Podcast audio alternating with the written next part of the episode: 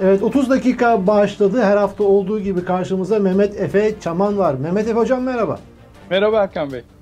Ee, Erdoğan'ın beklediği bir telefon vardı. Hararetle bekliyordu. Gözü telefondaydı. Amerika'dan, Biden'dan bir telefon bekliyordu ama telefon gelmedi. Onun yerine peşi sıra iki mektup geldi. Ee, ciddi eleştiriler e, Türkiye ile alakalı vardı bu mektupta. En son dün e, açıklandı bu mektup Amerika'dan.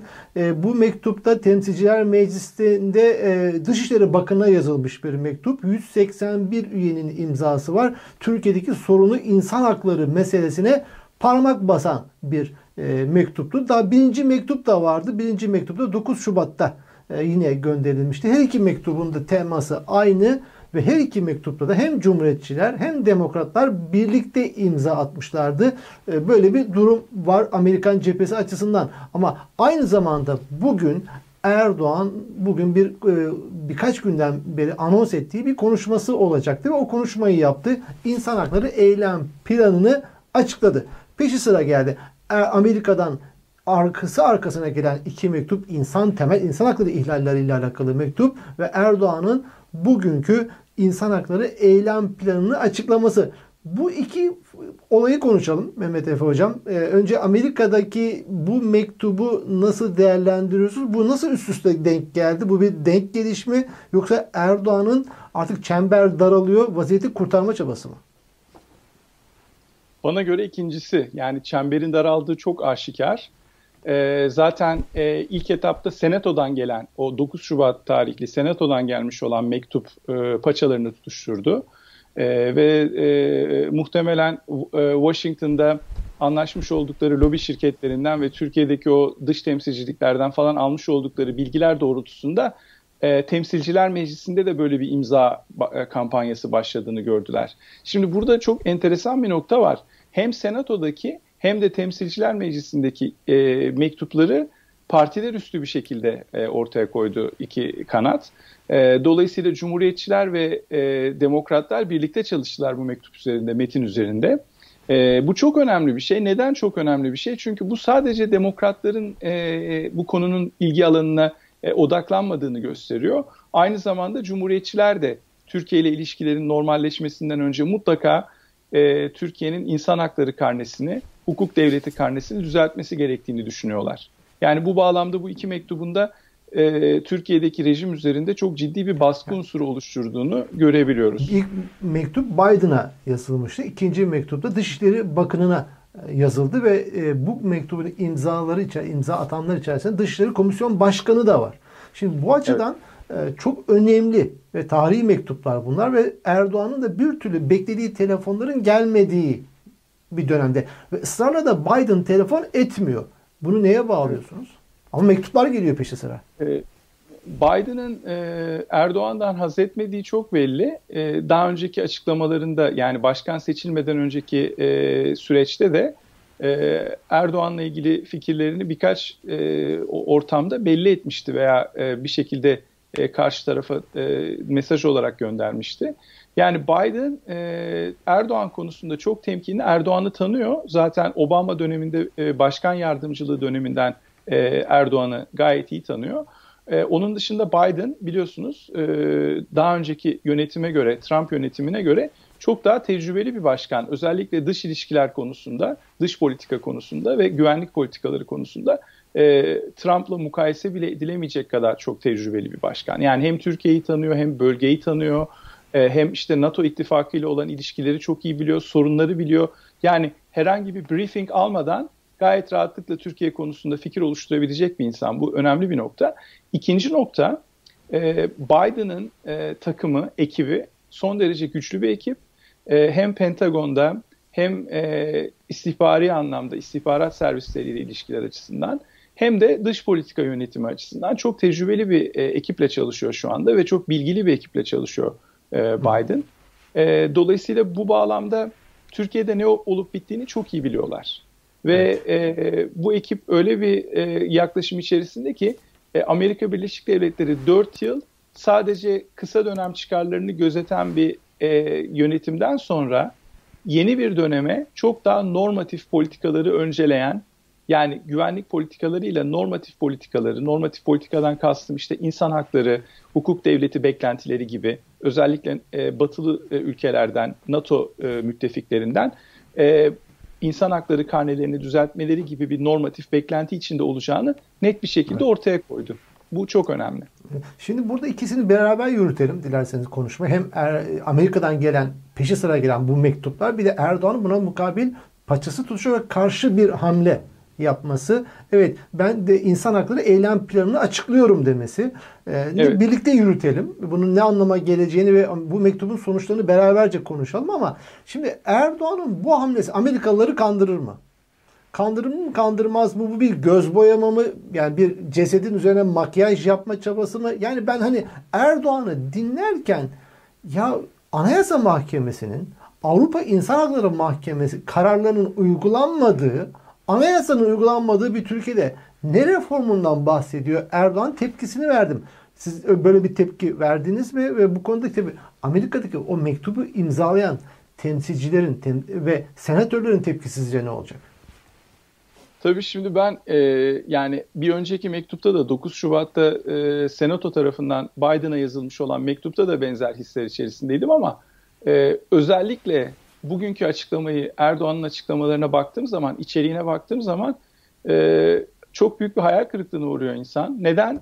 Çünkü Tanzimat'tan bu yana e, Türkiye'de hiçbir şeyin değişmediğini görüyorsunuz. Yani 200 yıl önceki, 250 yıl önceki e, uğraşılan temel meseleler hala e, 2021 itibarıyla uğraşılan meseleler olarak önümüzde duruyor. Halledememişiz. Yani insan hakları mesela orada işte ne diyor Erdoğan konuşmasında mülkiyet hakkının güçlendirilmesinden bahsediyor. Temel insan haklarına saygıdan bahsediyor. Devletin devleti tanımlıyor. Devletin işte vatandaş için çalışması gerektiğini falan.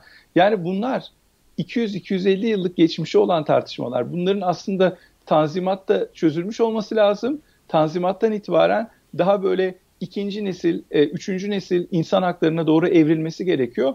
Türkiye hala e, Doğu bloku ülkelerinin 1990'larda başladığı insan hakları mücadelesinin fersah fersah gerisinde devam ediyor. Yani düşünebiliyor musunuz? Bir Polonya'yı, Çek Cumhuriyeti'ni, işte e, Macaristan'ı e, veya Romanya'yı yani bu ülkeler komünizmden çıktılar. 1991 senesinde e, müstakil bağımsızlıklarını ilan etmiş oldular e, fiili olarak da ve e, bu ülkeler şu anda Avrupa Birliği'ndeler. E, iyi kötü tabii ki Macaristan'ın çok ciddi bir insan hakları karnesi problemi var. Pol- Polonya'nın falan ama Türkiye ile aynı ligde kabul edilemeyecek noktadalar hala. Yani Türkiye ise 200 yıllık demokrasi macerasında e, ve insan hakları ve hukuk, hukuk devleti macerasında bugün 2021'de bir açıklama yapıyor. Sanki zannedersiniz ki Afrika'daki e, yeni işte e, bağımsızlığını kazanmış bir ülke e, hiç, hiç böyle insan haklarıyla falan alakası yok. Daha önceden hep askeri diktatörlüklerle veya krallıklarla falan idare ediliyormuş. Bugün demokrasiye geçiş yapıyormuş gibi bir e, izlenime kapılıyor insan. Çok evet. dramatik bir şey. Çok dramatik ve inandırıcı değil. Sizin söylediğiniz diğer soru çok önemli aslında. Yani bu Biden e, ekibini rahatlatacak mı? Onlara e, evet Türkiye düzeliyor gibi bir izlenim yaratacak bir açıklama mı? Yoksa e, bu sadece dediğiniz gibi işte cesedin üzerine makyaj yapma girişimi mi, kozmetik bir girişim mi? Bunun bunu zaman gösterecek. Tabii ya benim şahsi deneyimlerim özellikle son 5 yılda yaşamış olduğum Türkiye Cumhuriyeti vatandaşı ve bir e, takibat altında olan akademisyen olarak çok inandırıcı e, bulmuyorum bu açıklamayı. Çünkü yani sizin de dediğiniz gibi Anayasa Mahkemesi'nin kararlarına uymayan, e, hapishanede yüzlerce gazeteci olan, işte Kürt milletvekillerini, Kürt yerel yöneticileri hapishanede tutan, 80 e, bin insanı tutuklayan ki bu mektupta da yani bu e, Temsilciler Meclisi tarafından yazılmış olan mektupta da bu rakamlara değinilmiş. Yani bu çok acı bir şey. Hı hı. Çok net ortaya konmuş. Sadece böyle diplomatik bir lisan kullanarak işte Türkiye'nin e, son zamanlarda e, geçirmiş olduğu zor dönemleri anlıyoruz falan gibi falan da hiçbir şey yok. Çok net giriş yapıyor ve çok sert bir mektup. Yani dolayısıyla böyle bir ülkenin, Türkiye'nin işte bu, bu konumda olmasından e, mütevellit.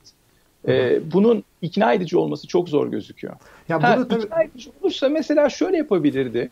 Hı Bugün bu açıklamayı yaparken aynı zamanda deseydi ki mesela biz e, belli bir ara dönem içerisinde ilan etmiş olduğumuz kanun hükmünde kararnameleri bütün etkileriyle beraber iptal ediyoruz gibi yani gerçekten fiili de fiiliyata döken bir e, karar vermiş olsaydı o zaman belki kısmen daha ikna edici olabilirdi. Fakat hiç böyle bir şey yok. Yani şu an kendisi karar alıcı. İstese başka bir kanun hükmünde kararname ile bütün önceki kanun hükmünde kararnameleri iptal edebilir ve bu süreci sonlandırabilir. Yani o Tabii, e, tek bir hamleyle sonraki olağanüstü rejimi sol, sonlandırabilirdi aslında tek bir imzayla. Bunu evet. yapmış değil.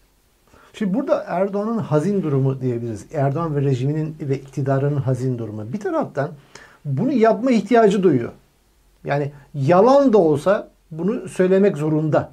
Neden söylemek zorunda ve Batı'yı ikna etmek zorunda bir şekilde. Hem Batı'yı hem de Türkiye kamuoyunda. Çünkü Cumhur İttifakı'nın oyları hızla eriyor ve engel olunamıyor. Yani 1930 yani %30'lar seviyesinde AKP'nin oyları ve Erdoğan bunun farkında sürekli anket yaptıran bir lider. MHP zaten iktidar orada barajı geçemiyor. Yani bir tarafta şimdi bahsettiğim 90 bin, 100 bin KHK'lı ve hapse atılan insanların aileleri, çevreleri, akrabaları vesaire bunlar hepsi belli bir toplumda bir sirayet ediyor. Bir olumsuzluk, bir hoşnutsuzluk meydana getiriyor.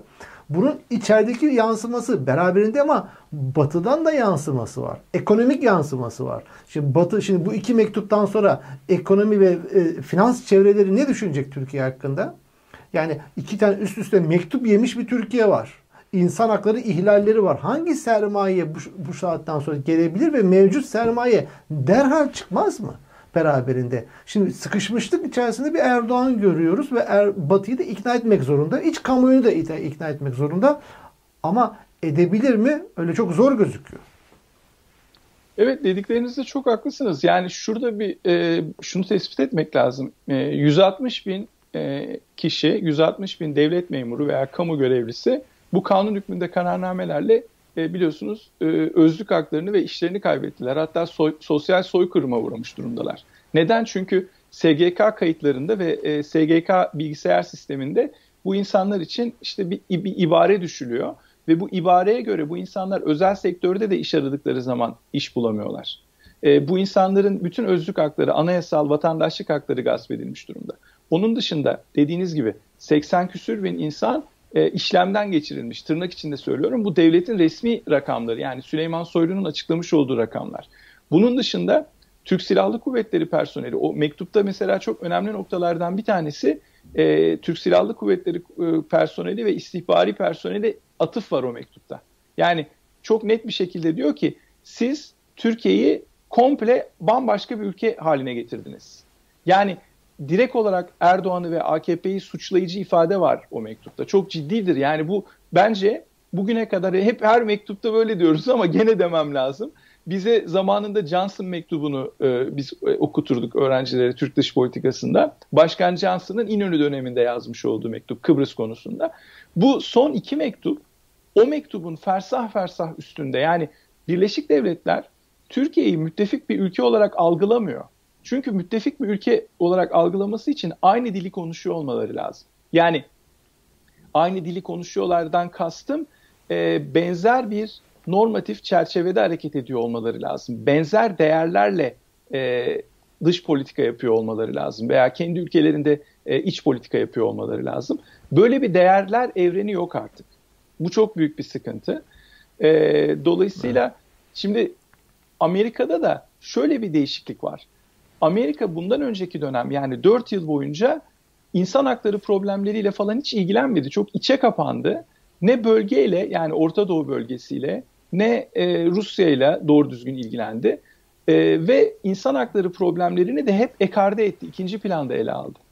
Fakat şu an Biden yönetiminin çok farklı bir çizgisi olduğunu görüyoruz. Yani bundan önceki, Trump'tan önceki Amerika Birleşik Devletleri'nin geri döndüğünü görüyoruz. Neden? Çünkü Amerika Birleşik Devletleri 2. Dünya Savaşı'ndan sonra yeni bir dünya kurulurken bu yeni dünyada kendisiyle birlikte hareket edecek müttefikleri seçtiğinde e, insan hakları ve demokrasi karnesini hep ön planda tuttu. Hatta Türkiye'de biliyorsunuz çok partili hayata geçiş e, sadece Türkiye'nin e, Birleşmiş Milletler'in kuruluşunda kurucu üye olarak kabul edilme isteğinden kaynaklanıyor ve aynı zamanda işte bu NATO ile ve NATO daha sonra kuruldu ama Birleşik Devletler'in bu işte Truman e, doktrini, e, gibi e, doktrinler içerisinde Türkiye'nin yer alması, Sovyetlere karşı korunabilmesi için demokratik bir sistem olması gerekiyordu. Yani bugün de sanki böyle bir döneme giriyoruz. Yeni bir dönem, yeniden tanımlanıyor değerler ve Birleşik Devletler Türkiye'den e, fiil, fiiliyatta düzelme bekliyor. Yani yarın bir gün ikili görüşmeler olduğu zaman o hani Erdoğan'ın yanıp tutuştuğu işte keşke telefon gelse dediği e, telefon geldiğinde de çok büyük bir hayal kırıklığı yaşayacaklar. Çünkü muhtemelen bu görüşmenin ana teması Türkiye'deki bu insan hakları problemlerinden problemlerinde geriye düşürmüş olan durumun mesafenin kapatılması ile ilgili beklentiler olacak. Ve Erdoğan ne diyecek ben çok merak ediyorum. Yani Biden o telefon görüşmesinde mesela yani bu KHK'ları iptal edin diyebilir. Tabii. Anlatabiliyor muyum? Ya da bu orduda yapmış olduğunuz takibat nedir bu? Yani e, her iki, iki amiral ve generalden bir tanesi terörist miydi ya sizin ülkenizde? Böyle bir saçmalık olabilir mi dese mesela? Ya ne, ne cevap sebebiyle binlerce insanı hapse attın. Sorgusuz evet. sualsiz hapse attın. Yani mahkemesiz insanları işinden attın. Ya birçok belediyeye kayyım atadın ya. Kayyım atadın. Evet. Halkın iradesini yok saydın. Şimdi gelmişsin burada hukuktan bahsediyorsun. E, şimdi mektupta şimdi dikkatimi çeken bir konu var. E, mektupta bu korumaların saldırısı vardı Washington'da. E, evet. Oradaki şu Erdoğan hükümeti kendi tarzını Washington sokaklarına bile taşımış olduğu cümlesi bu zihniyetin ne kadar e, tecavüzkar olduğunu ve hiçbir sınır tanımadığını da örnek açısından da ilginç. Yani Washington so- sokaklarına da bunu yapıyorsa Türkiye'de neler yapıyor e, cümlesi evet. önemli. Bir de şimdi Erdoğan'ın paçası tutuşmasının bir sebebi de şimdi önümüzdeki günlerde Halkbank davası başlayacak. Der Spiegel dergisi e, şöyle bir başlık attı. Türkiye ekonomisini korkunç bir duruma sokabilir dedi Halkbank davası. Türkiye ekonomisini korkunç bir duruma sokabilir. Bunun da getirdiği bir tutuşma hali var. Ve önceki katsa yaptırımları sadece Savunma Bakanlığı yetkilileri ve ilgilileri kapsamında dar tutulmuştu. Bundan sonra bu katsa yaptırımları da S-400 üzerinden daha da genişletilebilir. Ne diyorsunuz? Kesinlikle katılıyorum. Yani e, Der Spiegel dergisinin e, öne sürmüş olduğu e, durum gerçeği yansıtıyor.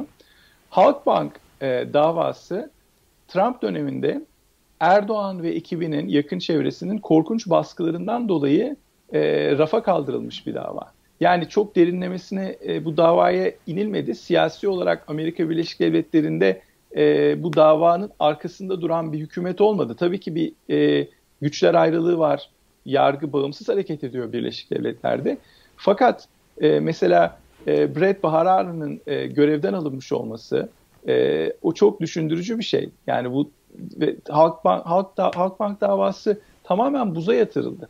Ve ben o zaman da yazdım. Hatta e, daha önceden e, Adem Yavuz Arslan'ın bu konuda çok güzel e, makaleleri oldu. TR 724'te çıkan. Orada da kendisi de ele aldı. Ben de ele aldım bu davayı defaten. Davanın önemli noktalarından bir tanesi şu. Türkiye burada sadece bir kara para aklama yani basit bir mafyoz ilişkiyle e, suçlanmıyor. Türkiye'nin asıl suçlandığı nokta şu.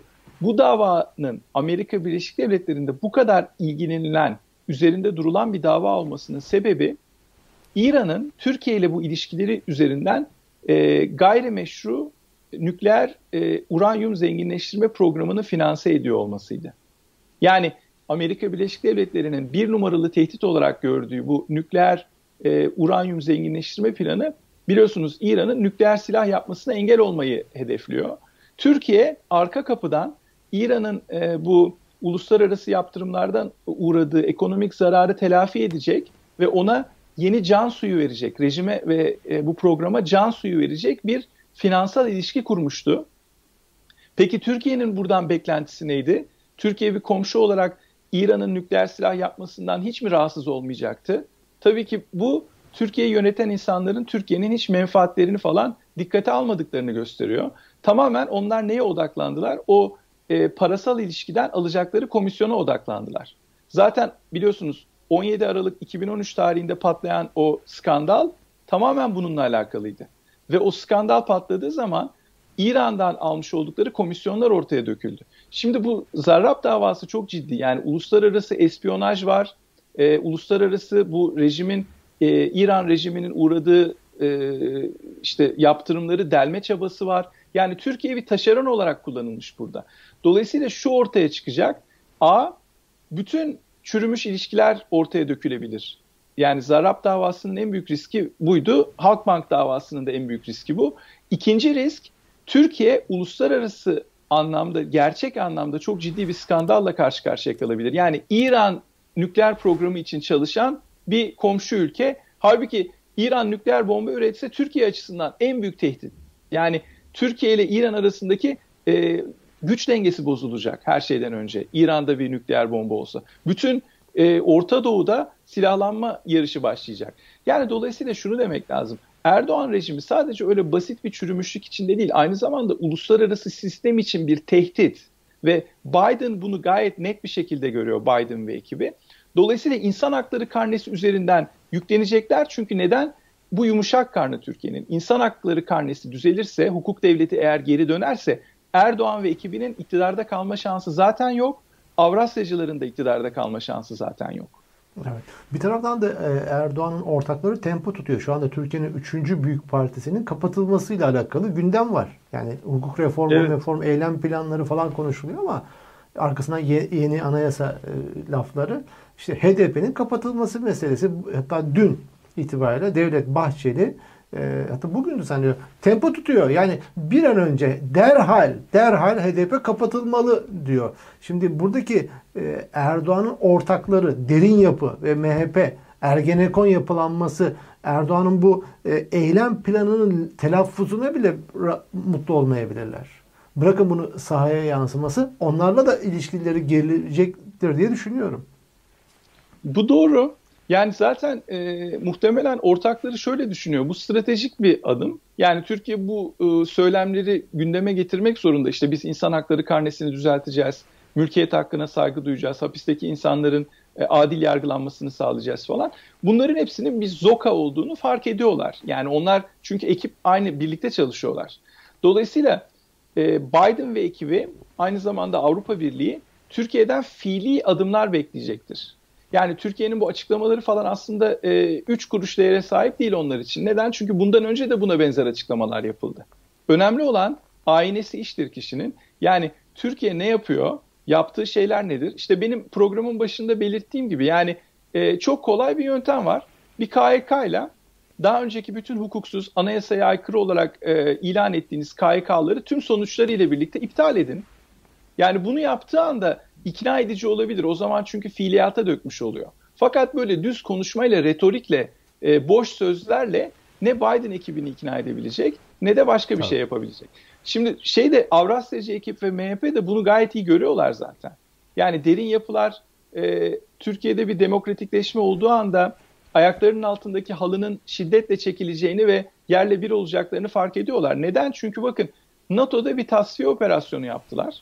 Yani NATO'nun Güneydoğu kanadının en güçlü askeri varlığını e, %50 oranında e, gücünü sıfırladılar diyelim. Yani %50 oranında azalttılar o, o gücü. Ne yaptılar? NATO yanlısı e, subayları yani çok korkunç rakamlar var ortada. E, ve bu rakamlar e, gerçekten önemli. Yani %40'lara varan kurmay subaylardan %40'lara varan bir e, tasfiye söz konusu. Yine amiral ve generallere bakın. Hepsinin yaşı bakın 55'in falan üzerinde olan insanlar. 55-60 yaşında olan insanlar. Bu insanların e, %50'sini tasfiye ettiler bir gecede. Ya bu korkunç bir şey. Bu dünya tarihinde olmuş bir şey değil. Yani bir ordu, bir devletin ordusu darbe falan olmayan bir ortamda bir gecede e, komple ordusunun yarısını tasfiye ediyorlar. Ve bakın bu korkunç bir şey. Yani bu insanlara baktığınız zaman bu insanların Türkiye'nin güvenliğinde bir numaralı rol oynadığını görüyorsunuz bu tasfiye edilen amiral ve generalleri. Şimdi bu insanlara terörist deniyor Erkan Bey. Yani bu Türkiye'nin imajını ne hale getiriyor? Siz bir düşünsenize şimdi NATO'dasınız siz. Mesela siz bir Hollandalı generalsiniz, işte Alman generalsiniz, İspanyol generalsiniz ve karşınızda böyle bir ülke var. Kendi ordusunun %50'sini tasfiye etmiş ve bu %50'yi tasfiye ettikten sonra da diyor ki gerekçe olarak bunlar teröristti. Yani evet. dolayısıyla Türkiye'nin Biden'ın güvenmemesinin sebebi bu. Biden evet. mektupta da bunu e, yani Şimdi Erdoğan şey... ve ortakları insan hakları eylem planı derken insan hak yani muhaliflerini insan olarak görmüyor ki. kapsam dışı. Yani kapsam dışı. O insanların tamamı kapsamlı insan eylem planı içerisinde değil. Fakat benim merak ettiğim konu şu. Programımızın da sonuna doğru geliyoruz. Şunu da biraz konuşalım. Öyle bağlayalım. Ee, şimdi Erdoğan derin yapı ortaklarını satıp Amerika'ya, Batı'ya yanaşarak ki Avrupa ve Amerika'ya ihtiyacı var. Ekonomisiyle her anlamda Erdoğan'ın. Ben bana dokunulmama kaydıyla şahsım devri, şahsına ve aileme dokunulmama kaydıyla iktidarda kalmama, dokunulmama kaydıyla belli oranlarda demokratikleşmeye hazırım diyebilir mi? Bence diyemez. A, ortaklarını sattığı anda e, zaten ortada kalacak. Yani ortaklarını sattığı anda altındaki zemin boşalmış olacak, düşecek. Yani hı hı. mümkün değil.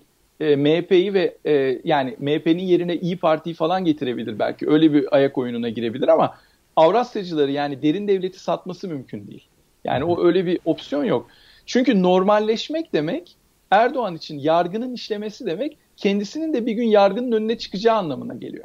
Yani Tabii. Ahmet Altan'ın söylediği gibi e, ya şey hukuka dönemezler. Öyle bir şansları yok. Onu kaçırdılar. Yani o, o şansları hiç yok. Dolayısıyla Erdoğan bu ilişkiye devam etmek zorunda kalacak. Ve onu da gayet iyi biliyor. Uzatmaları oynuyor aslında bu rejim. Yani uzatmaları oynadığı şuradan belli. Ee, en azından bu ekip uzatmaları oynuyor. Belki gene rejim bir şekilde hantallığıyla devam edecek Erkan Bey. Fakat Erdoğan ve yakın çevresi için bir geri sayım başlamış gibi gözüküyor. Çünkü evet. Biden çok kararlı. Gerçekten evet. çok kararlı ve evet. Türkiye bu şekilde normalleşemeyecek. Yani Amerika Birleşik Devletleri ile ilişkilerini normalleştiremiyor Türkiye. Bunun evet. sıkıntısını yaşıyorlar. Çok ciddi bir karın ağrıları var şu anda. Ve uykusuz evet. geceler muhtemelen var. Çünkü Amerika Birleşik Devletleri böyle yani alelade bir ülke değil.